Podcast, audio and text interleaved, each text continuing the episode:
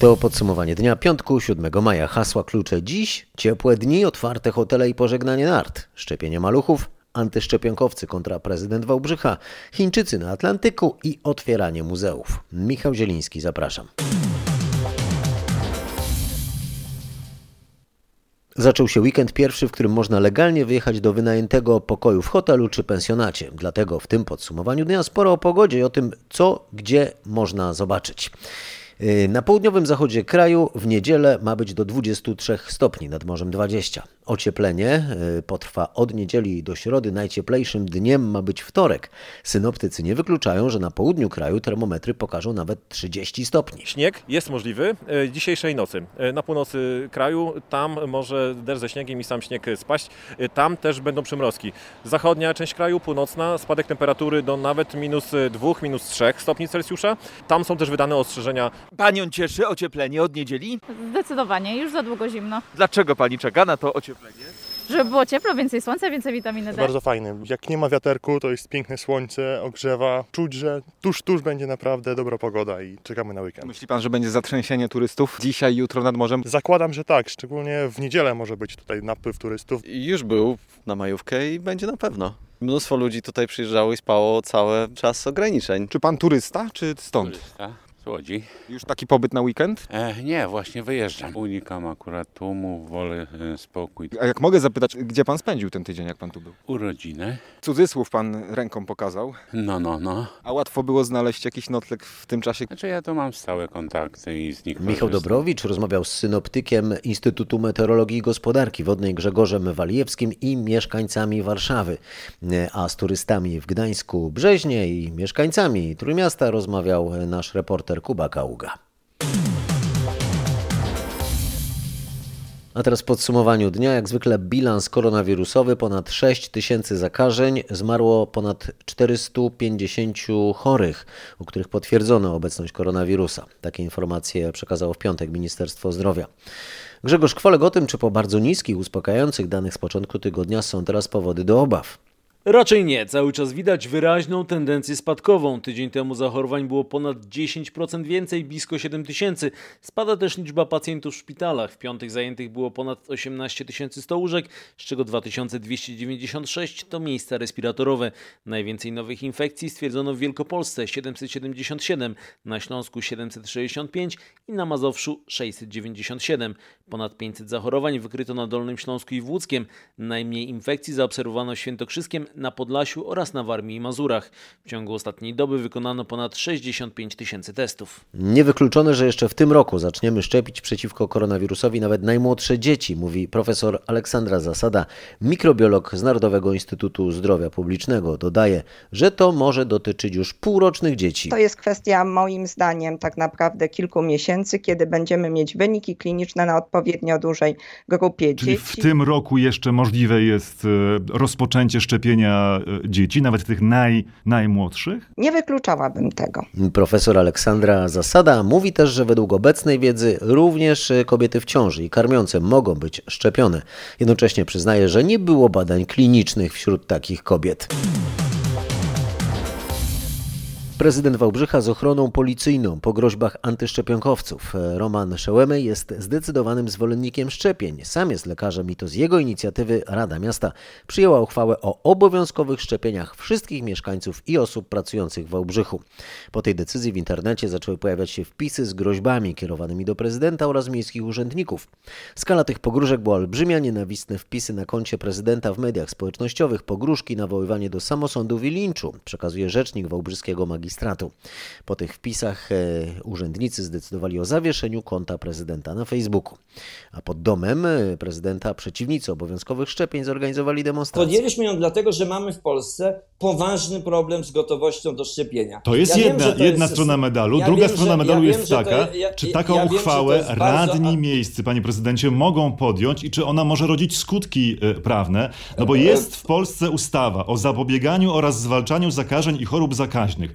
Artykuł 17 tej ustawy mówi, że to minister zdrowia określa w drodze rozporządzenia wykaz chorób zakaźnych objętych obowiązkiem szczepień. Nie radni miejscy, tylko minister zdrowia, panie prezydencie. A, a, my uważamy, że mamy wyjątkowy czas w Polsce i na świecie, E, Uzasadniliśmy to w, głęb- w bardzo obszernym e, uzasadnieniu tej uchwały podejmowaniem wszelkich działań, które mają na celu poprawę zdrowotności i bezpieczeństwa mieszkańców.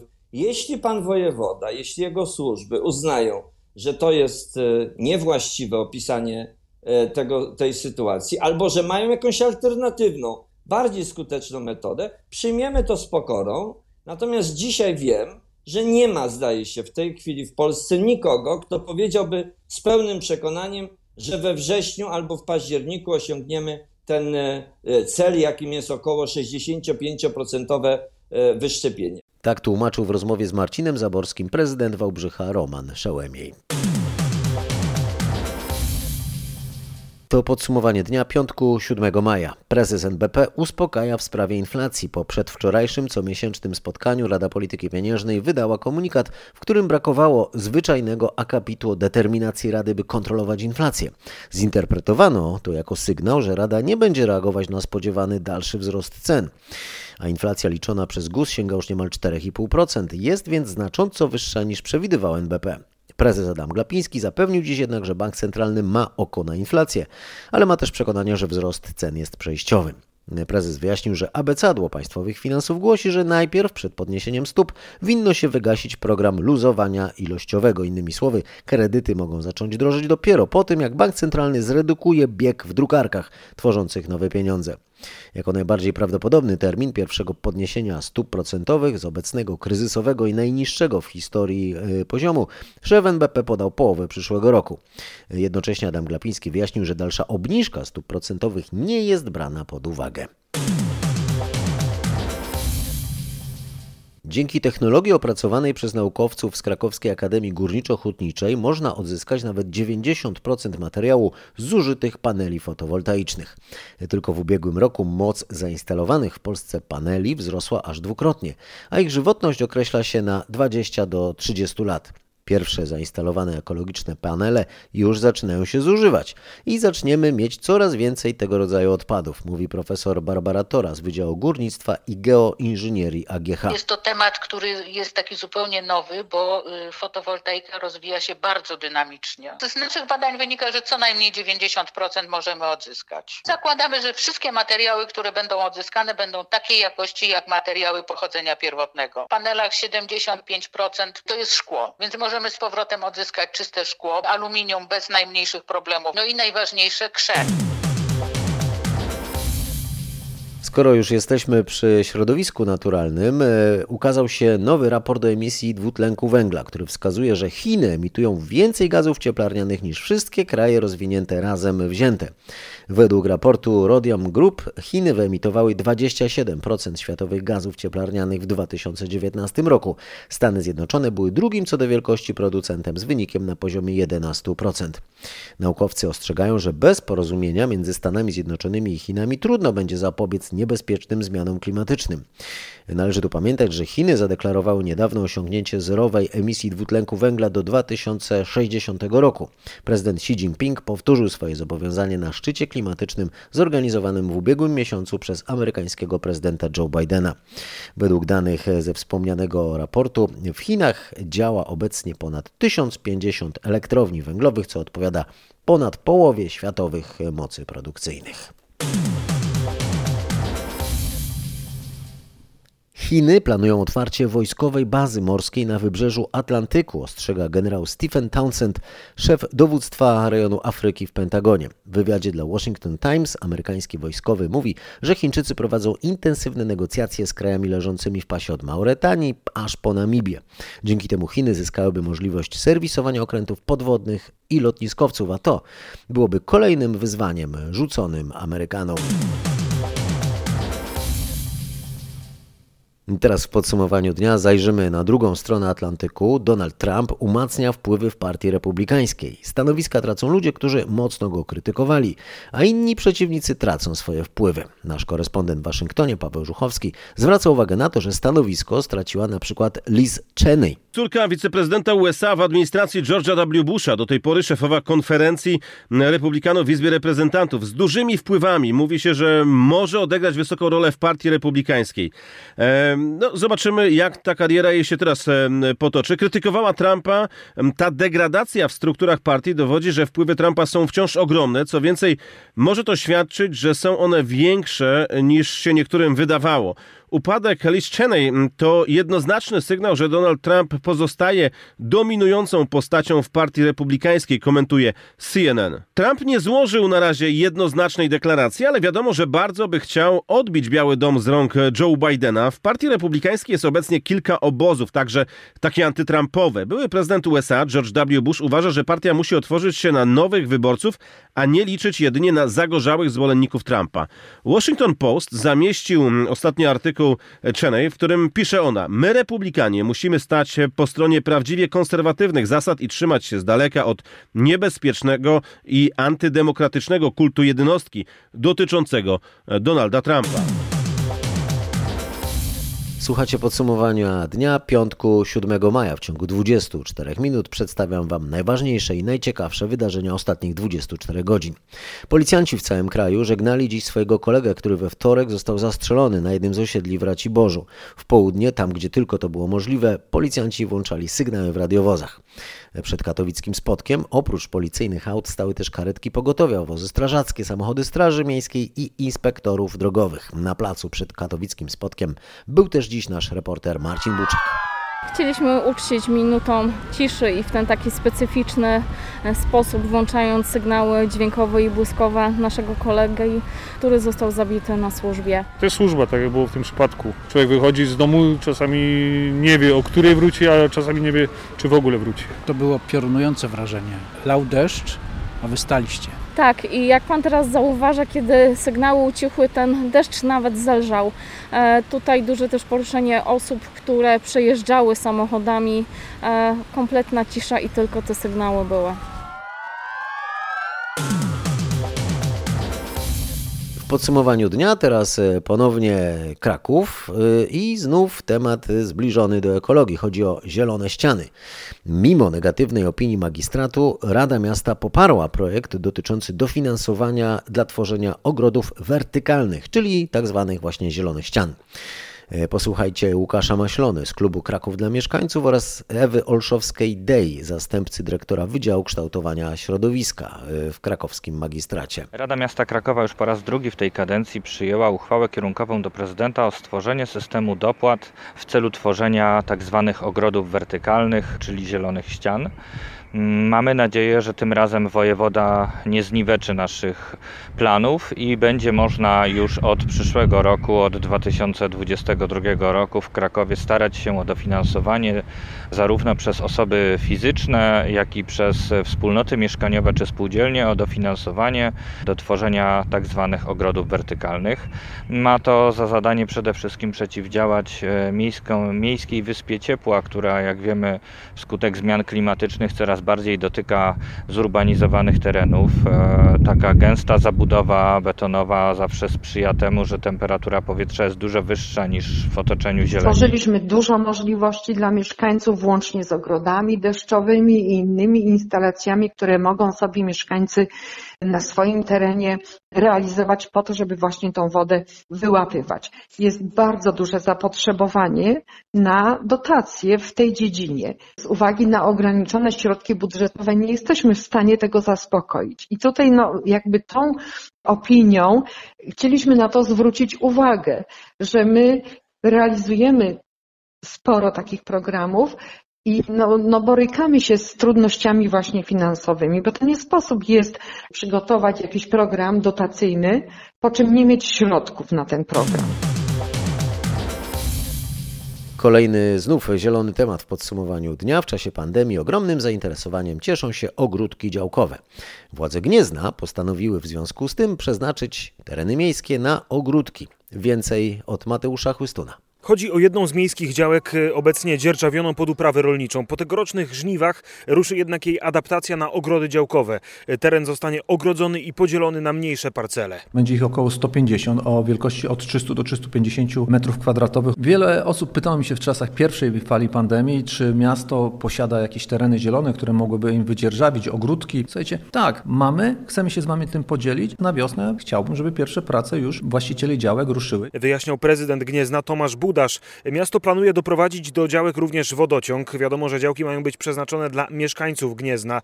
Miasto ustala jeszcze konkretne zasady ich przydzielania z organizacjami działkowców. A już za tydzień będą mogły bez przeszkód działać wszystkie ogródki.